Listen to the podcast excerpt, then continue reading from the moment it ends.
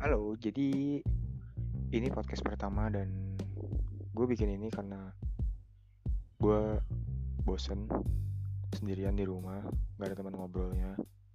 Jadi gue memilih buat ngobrol sendiri aja.